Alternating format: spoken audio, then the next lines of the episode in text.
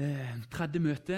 Noen har vært på samtlige, noen har kommet først i dag, og noen har vært på sånn inn og ut. Så det, eh, vi begynte på søndag med grunn, litt innenfor, altså evangeliet, hva det er og hva det ikke er. Prøvde å bygge en, som en, en grunnmur, en grunnvoll.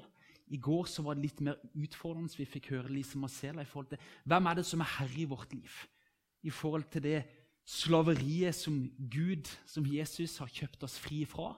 Men det at han har kjøpt oss fri, sånt, friheten som der ligger, at vi er fri fra å være slave under synd Friheten er nå at vi tilhører Jesus. Det er friheten. Og hva er vel mer fritt enn å ikke lenger, som vi las i 1. Korinterne 6, 19 og 20, helt på tampen av vers 19 der Dere tilhører ikke lenger dere selv. Dere er dyrt kjøpt, la det legemet være til ære for Gud. Men hør nå, det at ikke vi tilhører oss sjøl Tenk hvor begredelig når vi ser på oss sjøl og vet hva som bor i oss, og tenk at vi skal slippe å tilhøre oss sjøl lenger. For det er jo ikke mye, sånn at Vi vet at det er mye grums på innsida. Det er ikke mye bare, bare bra med oss. Men vi skal få tilhøre Han som bare er god. Han som er Gud, han som er hellig, han som er skaper. Han som sant, Gud, han skal vi få tilhøre. Og det er frihet. Og det er nåde. Han er vår forsørger, vår frelser. Og når vi blir frelst og kjøpt til hans eiendom, så får vi en ny retning, og hele livet får en en annen mening, et annet innhold, som Bibelen også ønsker å vise oss. Så vil jeg lese vers kanskje vi som, som tar det nå videre til det vi skal snakke om i dag. Salme 73, vers 26. For da når vi snakker om det, hvem er herre i vårt liv?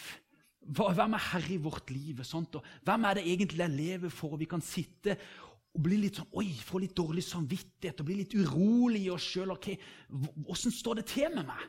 Og Det er bra Det er bra at vi av og til kjenner på den følelsen. Det er mer bibelsk enn ubibelsk å kjenne på en usikkerhet.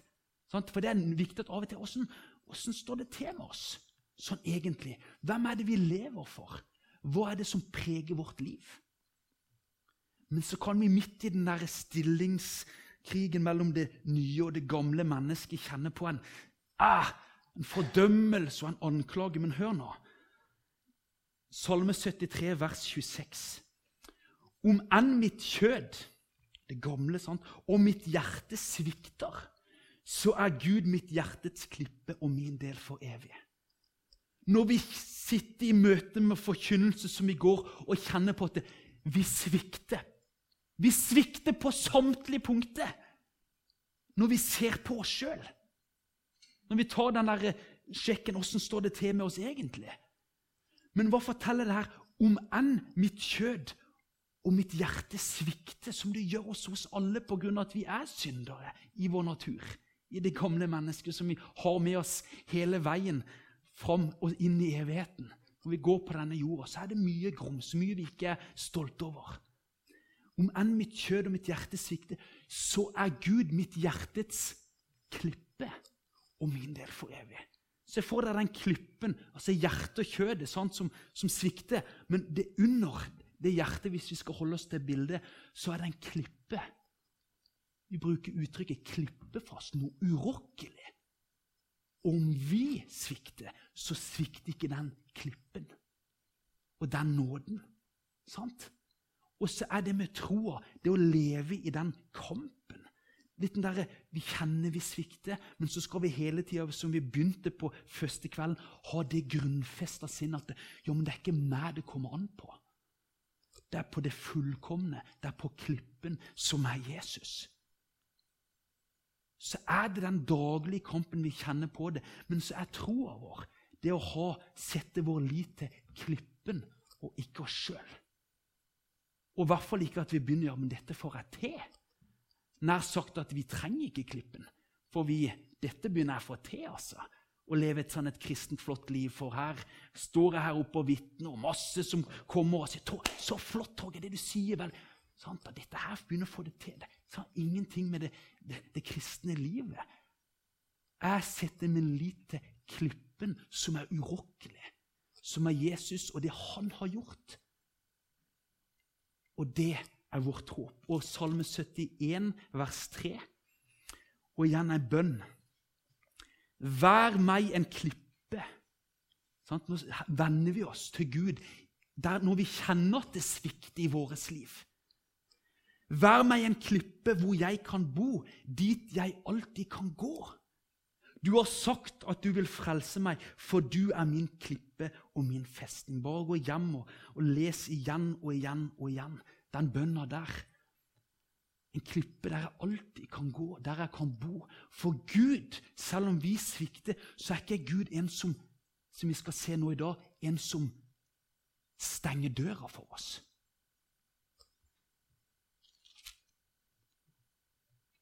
Men så er det den sannheten som er i vers 27, salme, tilbake til salme 73, vers 27. Så står det etter vi las nå om enn mitt kjød og mitt hjerte svikter, så er Gud mitt hjertets klippe og min del for evig. Da roper vi et amen. Men så kommer dette for se. De som holder seg borte fra deg, går til grunne. Du utrydder verden som faller fra deg, hor. Her kunne vi sagt mye, men den første setninga skal vi se litt på, for det er jo her kampen går. For de som holder seg borte fra deg, går til grunne. For når Jesus er vårt håp, vårt liv, vår redningsmann, vårt alt, så er det klart når vi holder oss vekke ifra Han og går våre egne veier, så går vi til grunne. Går, Han er vårt håp. Når, når vi går vekk fra den frelsesklippen så ja, om, om, om kjød og hjerte svikter, men så lenge vi står på klippegrunn, så står vi sikkert. Så står vi trygt. Men når vi begynner å holde oss vekke ifra dette her, da lyser det rødt. Da er, da er vi på, far, på, på, farlig grunn, på farlig far, ute på farlig farvann. Når ikke vi, når ikke vi vil ha, nær sagt indirekte ikke vil ha noe med han å gjøre, og vi i en åndelig kamp som vi er en del av, blir forført vekk ifra han. Med Satans listige angrep, som Bibelen er ganske nøye, snakker ganske klart om. Og Det er der kampen går. Men hva med oss som sitter her når vi går? Hvem er det som er herre i vårt liv? Bak en fasade Det kan se så bra ut som det bare vil. Men lever vi i et selvbedrag, så er det vi som går til grunne om andre tror at sant? Men åssen er det egentlig det står til med oss? skal vi se litt videre på i dag. Og det igjen at det kan være litt sånn, Jeg håper vi skal se det at det, vi har med en Gud som står der med åpne armer, og alle står der. Men en dag vil det være for seint. Men inntil den dagen så står han der det ikke heller noen vil at mennesker for første gang eller for tusende gang skal komme tilbake. For der står han og det er det vi skal stoppe litt opp for i dag. Så er det det at du skal ransake dere sjøl, som, som, det står i 2. Korinterne 13,5. Ransak dere selv om dere er i troen. Prøv dere selv, eller kjenner dere ikke dere selv at Kristus Jesus er i dere? Det måtte da være at dere ikke består prøven. Så nå er det litt sånn selvransakelse. Igjen i forlengelsen av hvem er herre i ditt liv? Hvem er det viktigste? I ditt liv. Det er jo det som preger oss. Og tenk hvor kjipt at noe som skal være det viktigste, er bare kjipt. Vi føler bare at Gud er der. Han står sånn. Og så krever han og krever han. Det er jo ikke kristendom. Det er jo ikke nåde. Det er lov. Men når, når vi ser gjennom evangeliet at skatten vår, det er Jesus Det er jo ikke noe skatt hvis ikke det er viktig. Vi kan, vi kan bruke så mye tid på det vi bare vil, men hvis ikke det er en skatt, så er det jo ikke noe som opptar oss og virkelig er noe vi er avhengig av. Hvis vi henger med noe sånt. Men hvor din skatt er, der vil også ditt hjerte være. Og den skatten, det er klippen. Det er klippen Jesus Kristus. Så om mitt kjød og mitt hjerte svikter, som det gjør daglig, så står jeg trygg på klippegrunn, på Jesus og det han har levd. Livet han har levd, og det han har gjort når han har dødd for alt det gale jeg har gjort. Men så skal vi gå inn i Lukas 15, som er en kjempekjent beretning, tror jeg for samtlige her, om, om den bortkomne sønnen og den faren som han møter. Den pappaen. Men vi skal bare lese også vers 15. Nei, vers, vers 1. Vi skal begynne fra vers 1. Vi skulle kunne lest samtlige vers, men, men for, ikke, for, å holde oss litt både i forhold til tid og sånne ting, så skal vi begynne på vers 1 og lese litt, bare stoppe litt opp der. For der står det om denne klippen som er Jesus. Denne her Jesusen som mange mener mye om i dag. Mange kan mene mye om at ja, Jesus han, bare, han var en som en, en galning. Sant? Han eh, tenker tro på en som sant? sånn og sånn. Noen tenker ja, det var en flott kar. Han, han var et, eh, et, forbilde. Han gjorde mye, en god moral, en bra filosofi. Men at han var Guds sønn? Nei. Mange mener og syns mye om Jesus. Og Kanskje ikke uten grunn at Jesus spør disiplene at Lukas 9, der at vers 18 og 20, så spør han disiplene at tar de avsides Hvem sier folk at jeg er? For det er mange som snakker og mente mye om Jesus på den tida som i dag. Hvem sier folk at jeg er? Døperen Johannes, Elia eller en av de andre profetene som har stått opp fra de døde. Det var mange som mente mye. Men så spør Jesus, og det er litt i forlengelsen også det vi snakker om, jo, hvem er herre i vårt liv? Men dere, hvem sier dere at jeg er? spurte han disiplene. Og Peter, du er Messias. Jesus Kristus Messias, den levende Guds sønn. Men igjen, hvem sier du at Jesus er? Hvem er Jesus for deg? Hvem er Jesus for deg? Hva svarer du på det spørsmålet Jesus spør? Hvem sier du at jeg er? Og nå i vers 15, vers 1, nei, kapittel 15, vers 1, så står det om Jesus. Og mye for, my, my, Dette sier mye om hvem Jesus, hvem Jesus er. Og når han vandrer på jord, så står det alle toller og syndere holdt seg nær til ham for å høre ham. Toller og syndere, de som var pest og en plage for mange. De som ble nederst på rangstigen, de som folk ikke gjerne ville ha noe med å gjøre. Taperen på mange måter. Og så står det at det ikke Vi vet at Jesus også gikk til de, men her står det at de kom til han. Alle toller syndere holdt seg nær til ham for å høre ham. Og det undrer meg altså det med som, Å, Jesus, vi, jeg skal gå ut, og, men, men, hvor mange er det? Kan jeg si det samme om jeg holdt på å si at mennesket kommer til meg? Nei, det er det ikke. Jeg må gå ut og kanskje bygge relasjon med andre. Men det var noe med den Jesusen, måten han møtte mennesket på. På den tida og i dag. Ikke med noe sånn, men inderlig medynk, som vi skal se på inderlig medlidenhet og en kjærlighet og sannhet. Men de kom for å høre han, for han sa og møtte dem på en måte som ingen andre før hadde gjort. Så det var det som gjorde at de oppsøkte Jesus, for å være der han var, og høre det han sa.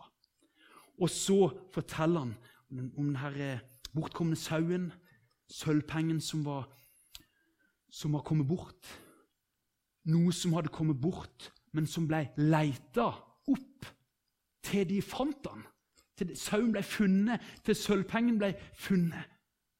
Og det igjen bare kan Vi ta med oss. Vi har med en Gud som ikke gir opp mennesket, som ønsker at mennesket, om de har vært hos Jesus og falt fra, eller om de aldri har vært Gud ønsker at mennesket skal komme til Han.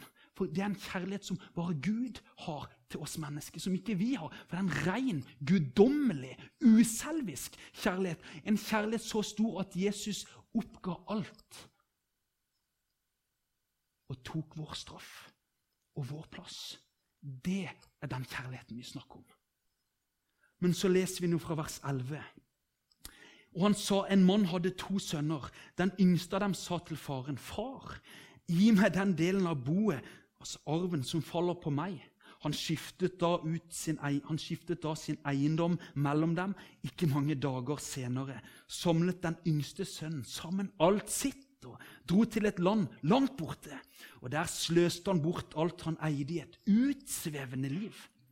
Men da han hadde salt alt over styr, ble det en svær hungersnød i det landet, og han begynte å lide nød. Da gikk han bort og holdt seg til en av borgerne der i landet. Og han, og han sendte ham ut på markene sine for å gjete svin. Han ønsket å fylle sin buk med de skolmer som svinene åt, og ingen ga ham noe. Da kom han til seg selv og sa, Hvor mange leiefolk hos min far har overflod av brød, men jeg setter livet til her av sult. Jeg vil stå opp og gå til min far, og jeg vil si til ham, Far, jeg har syndet mot himmelen og mot deg. Jeg er ikke verdig lenger til å kalles sønnen din. La meg få være som en av leiefolkene dine. Og Han sto opp og kom til sin far, men da han ennå var langt borte, så hans far ham, og han fikk inderlig medynk med ham. Han løp ham i møte, falt ham om halsen og kysset ham igjen og igjen. Da sa sønnen til ham, 'Far, jeg har syndet mot himmelen og mot deg.' 'Jeg er ikke lenger verdig til å kalle sønnen din.'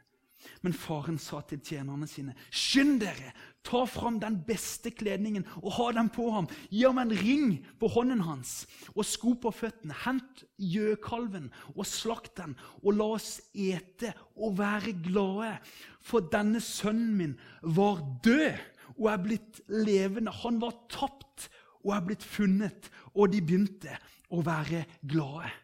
En fantastisk beretning som Jesus forteller. Og mange, Vi kan liksom ta sikkert masse masse ut av denne, her, eh, denne her, eh, lignelsen, denne fortellinga, beretninga. Men det vi vet, er jo, og det vi skjønner virkelig, det er jo den, en fars kjærlighet som er helt enorm.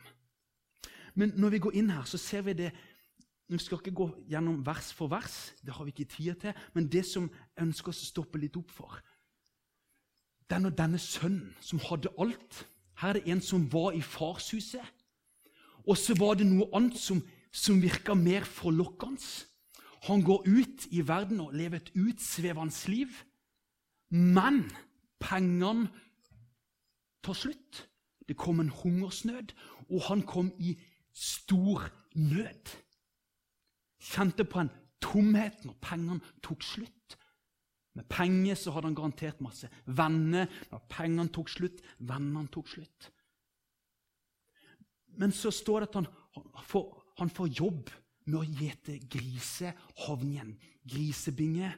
Og så begynner han, når alt det andre han har satt sin lit til I denne verden, nær sagt, når det forsvant, når han satt der med skammen, med smerten og med tomheten, så står det uttrykket da kom han til seg selv. Da begynte han å skjønne hva han en gang hadde hatt, som han nå hadde forkasta og vendt seg bort ifra. Og skjønte sin egen stilling der han nå satt i en grisebinge. Det uttrykket Da kom han til seg selv. Han kom til en sannhetserkjennelse og skjønte sant om sin egen stilling Oi! Hva har jeg gjort? Hva har jeg grisa meg til med? Bokstavelig talt. Og så begynner han. Så skjer det noe med han. Han begynner å bli dratt tilbake til farshuset. Den faren han hadde det så godt. Han hadde jo alt. Alt og mer enn alt. Og så begynner forsvarstalen og begynner å øve den. ok, nå skal Jeg er ikke verdig til lenger, til lenger å være sønn. Han kjente på en uverdighet. Men så leser vi videre beretningen. Han fikk aldri tatt den talen sin. For faren bare 'Nei, stopp! Du er kommet hjem!' Men så står det at faren sto og speida og lengta sikkert garantert daglig. Og det er jo et bilde på Gud. Sant? Hvordan Gud er interessert i oss mennesker og ønsker at vi skal ta imot frelsen og leve i frelsen. Og at Jesus skal være klippen og det vi, det vi lever på, det vi dør på. Ingenting annet som kan være, som kan, som kan for, være forlokkende og fristende. Men det er bare tomhet i møte med en, en, evig, altså en Gud, en hellig Gud og en evighet. For alt her er forgjengelig. Penger, gull, diamanter, karriere, hva det måtte være. Det forgår jo. Og Bibelen ønsker å vise oss at det er ikke det vi skal sette vår lit til. For det kan ikke frelse oss. Frelsen har vi kun i det Jesus har gjort. Ikke noe han skal gjøre hvis du er god nok. så skal det. Nei, men han har dødd for all verdens synd. Og så sto det den faren som sto der og venta, og så løp han han i møte. Når han så det, han langt der borte, står det at han fikk inderlig medynk med ham. Og det er akkurat det samme ordet, eller ordene som brukes om den barmhjertige samaritan. I kapittel 10, vers 33. Når han så Altså, presten gikk forbi til denne herre som lå halvdød, forslått. Presten gikk forbi, levitten gikk forbi. Men så var det en samaritan som ikke hadde, skulle normalt ikke ha noe med den jøden som lå der. For det var litt sånn antiforhold. de har ikke noe med hverandre å gjøre. Men det står at, vet du hva det står? Han står at han fikk inderlig medynk. Og det er ikke fake. Det går ikke an å fake inderlig medynk. Det skjønner vi. For vet du hva det medynkordet, det greske ordet fra der, det greske ordet som her brukes, det er det sterkeste, sterkeste, sterkeste ordet i det greske ordforrådet for medlidenhet, som her brukes. Både om den barmhjertige samaritan, som også vi finner her, om denne faren som fikk inderlig medynk. Og det ønsker bare at vi må bare stoppe litt opp for å bare, bare høre nå. Midt i det du kjenner på at om han mitt kjød og mitt hjerte svikter. Kanskje spesielt etter talen i går. I møte med en ransakende altså Guds ord som er ransakende og utfordrende. Men det er sånn det skal være. For hvor, hvem er herre i vårt liv? Hva er det vi setter vår lit til? Så, så må vi av og til ha den forkynnelsen. Men så bak den forkynnelsen, Guds ord, Gud som forkynner, altså kommer med sitt ord, så har vi en Gud som har inderlig medynk med oss. Han har inderlig medynk med du og med meg oss alle sammen. Og så står det her at han kom hjem, og det ble en gledesfest. Det ble en gledesfest. Han slapp å komme med den der talen han hadde forberedt. Du er kommet hjem. Du er kommet hjem her du hører hjemme. Og han, lå, han hadde ut, levd et utsvevende liv med prostituerte ene med det andre. Men det var med at han kom til seg sjøl og erkjente det han hadde gjort, og det han hadde forlatt. Så drev den erkjennelsen, erkjennelsen han tilbake og han ble møtt med en inderlig medynk. Og fikk ikke, han, ble, han, skulle ikke være en tjener. Han skulle være sønn, som han var. Og så, så ser vi her at det var en som en gang var Kan det være bilde på en som var frelst, men rota det til? Men så fikk han komme igjen. For Gud hadde inderlig medynk. Og han ønsker også at vi, de av oss som måtte ha rota det til Om enn vi kanskje ikke ser at vi sitter i krisebingen, så ønsker Gud gjennom forkynnelsen å overbevise oss om vår stilling i oss sjøl, vår egen stolthet, vår egen skam, vår egen synd. Åssen vi har rota det til. Men da igjen det uttrykket at Bibelen ønsker å overbevise oss sånn at vi kan komme til oss sjøl. Da kommer han til seg selv. For Jeg har sitert det sikkert begge kveldene her, men det står i 1. Timoteus 2,4 så står det om Gud, han som har inderlig medynk med oss mennesker. Så står det at han som vil at alle mennesker skal bli frelst og komme til sannhetserkjennelse. Sannhetserkjennelse erkjennelse, epignosis, det greske ordet, det betyr nøyaktig og korrekt kunnskap.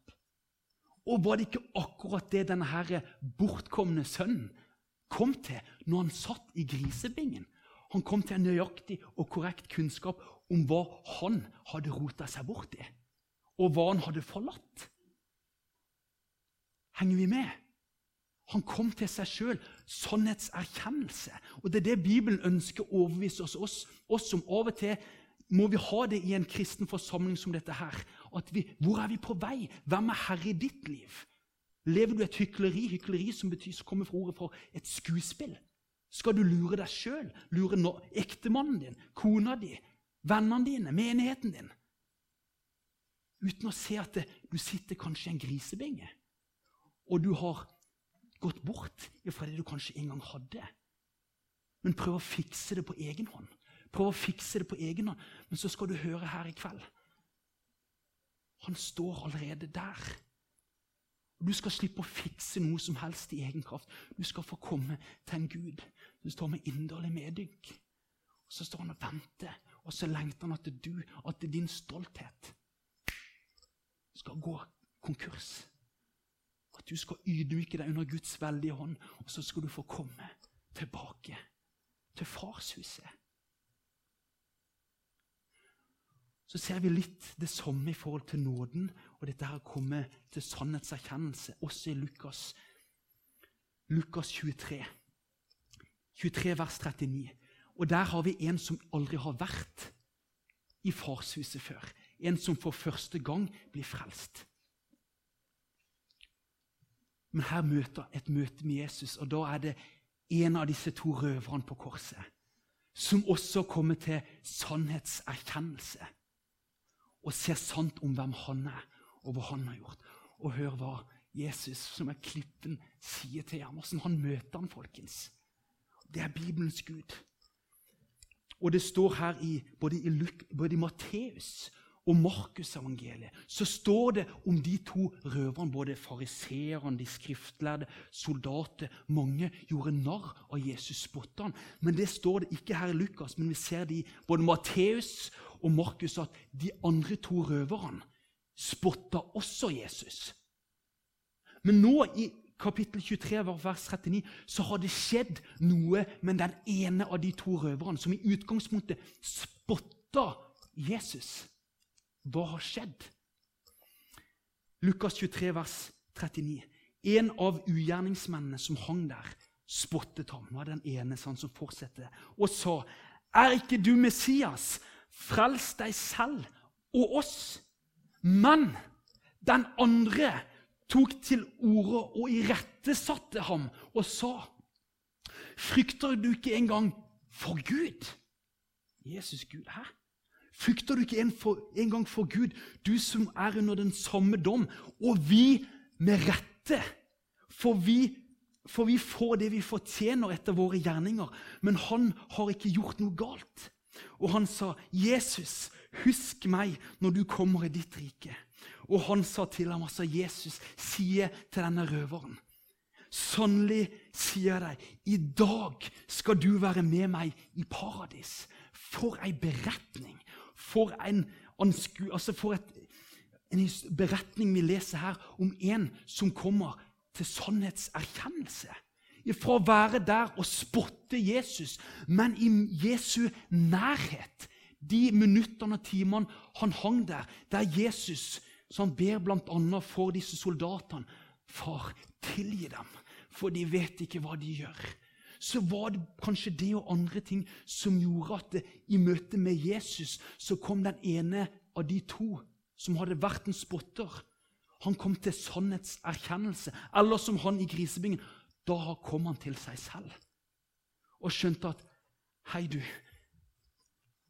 Vi henger her fordi vi fortjener det med rette. For vi er syndere. Vi har gjort ei straff som fortjener dette her. Men han har ikke gjort noe galt. Og så ber han om en tanke. Husk på meg når du kommer i ditt rike.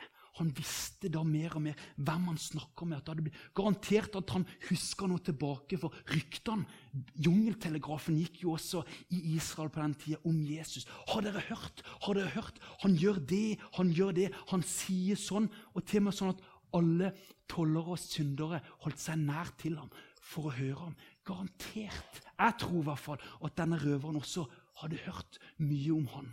Kanskje han bare spotta han, for eh, selvfølgelig er det ikke det. Men kanskje begynte i Jesu nærhet, nærhet noe å bli åpenbart for ham om hvem han er, og om hvem Jesus er. Sannhetserkjennelse.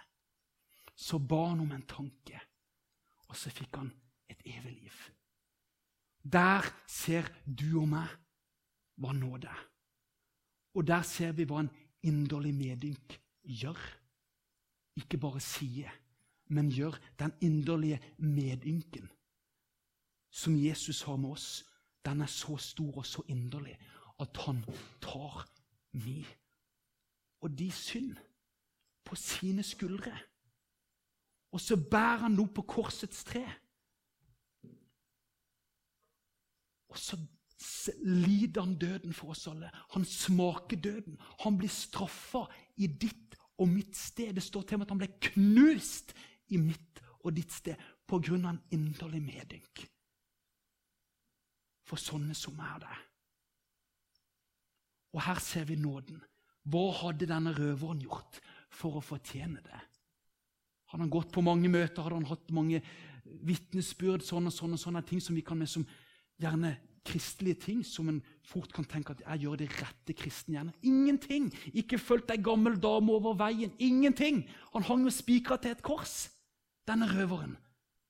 Han ba om en tanke fordi han kom til sannhetserkjennelse om hvem han var, og hvem Jesus var. Og det var det som frelste han, på samme måte som den herre bortkomne sønnen. Da kom han til seg sjøl. Sannhetserkjennelse. Åssen var det han ble tatt imot? Røveren, i dag skal du være med meg til paradis. Den bortkomne sønnen. Faren løp han i møte, inderlig medynk, kasta seg om halsen. Han som var tapt, er blitt funnet. Han som er død, er blitt levende. Kom, la oss glede oss og juble. En sånn en Gud er det du og meg har med å gjøre. Så la det bare ligge som et teppe, som en grunnvoll, som en klippe i alt det vi snakker om. I alt det vi snakker om. Så er spørsmålet åssen står det til med deg? Vi begynte å lese fra Salme 73.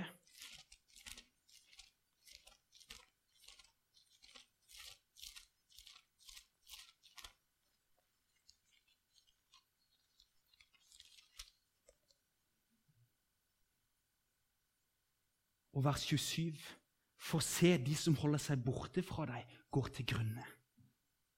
Og det alvoret som det her er For når han er vår klippe, og det er der vi finner den inderlige medynken fra en Gud som inderlig elsker oss så høyt at han straffer det kjæreste han hadde, i ditt og mitt sted. Så det er vår frelse, vår klippe, det vi har. Enn vi svikter som vi gjør daglig, så er det ikke det vi skal sette vår lit til. Vi skal sette vår lit til Jesus og den inderlige medynken vi har der.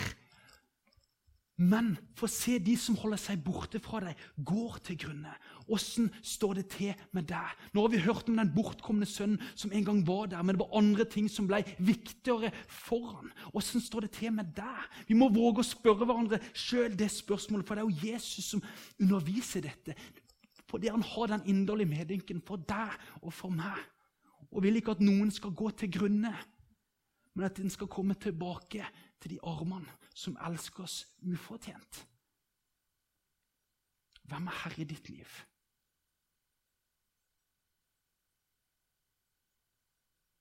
Og Så avslutter jeg med å lese verset, det siste verset i den salmen. Og hør nå. Og dette er en som har vært i Guds nærhet, sånt Asaf der. Men for meg sier han. Det er også en sannhetserkjennelse. Gjennom et levd liv, gjennom fall, gjennom nederlag, så oppsummerer han den salmen hør nå. Men for meg er det godt å holde meg nær til Gud. Jeg tar min tilflukt til Herren, Herren, for å fortelle alle dine gjerninger. Og det er én. Det kunne garantert denne røveren si. Hvis vi skal holde oss til bildet, så kunne vi sagt også den bortkomne sønnen. Det var, ikke, det var ikke, noe tvang.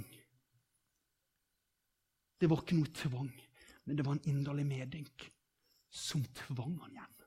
Det var Kristi kjærlighet som tvang røveren til den erkjennelsen. Og det er det nåden er. Og når vi får tatt imot det og lever der, så kan vi også Forhåpentligvis du også. Men for meg er det godt å holde meg nær til Gud. På klippegrunn, på klippen. Jeg tar min tilflukt til Herren, Herren, for å fortelle alle dine gjerninger. Mm, kjære Jesus. Pris og ære og takke deg, Herre, for den du er, Jesus. Takk for at du har denne inderlige medynken med sånne som oss, Herre Jesus. Takk for at du elsker oss uten grunn i oss sjøl, for det er så mye svik i våre liv. Vi kan aldri gjøre oss fortjent til din kjærlighet, for da er det heller ikke nåde. Men det står at vi blir frelst av bare nåde, og vi ser det gjennom det du prøver å understreke og forkynne, gjennom beretninger om den bortkomne sønnen. Gjennom det som skjedde på Golgata med den ene røveren som ble den første som ble med inn i evigheten. Paradis. Kjære Jesus, men så er det det alvor at det, at at det er så mye som vil ha oss vekk ifra denne klippen og sløse oss, men som begynner å fylle oss med andre ting som blir viktigere for oss. Sånn som denne bortkomne sønnen.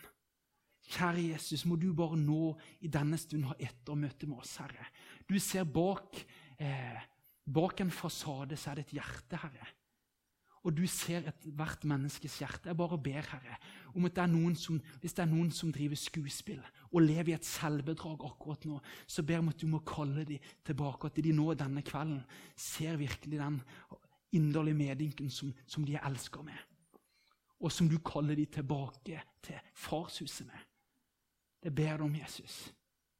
Det ber du om, Herre. Må du bare være med nå videre. Takk for din nåde. I Jesu navn. Amen. Amen.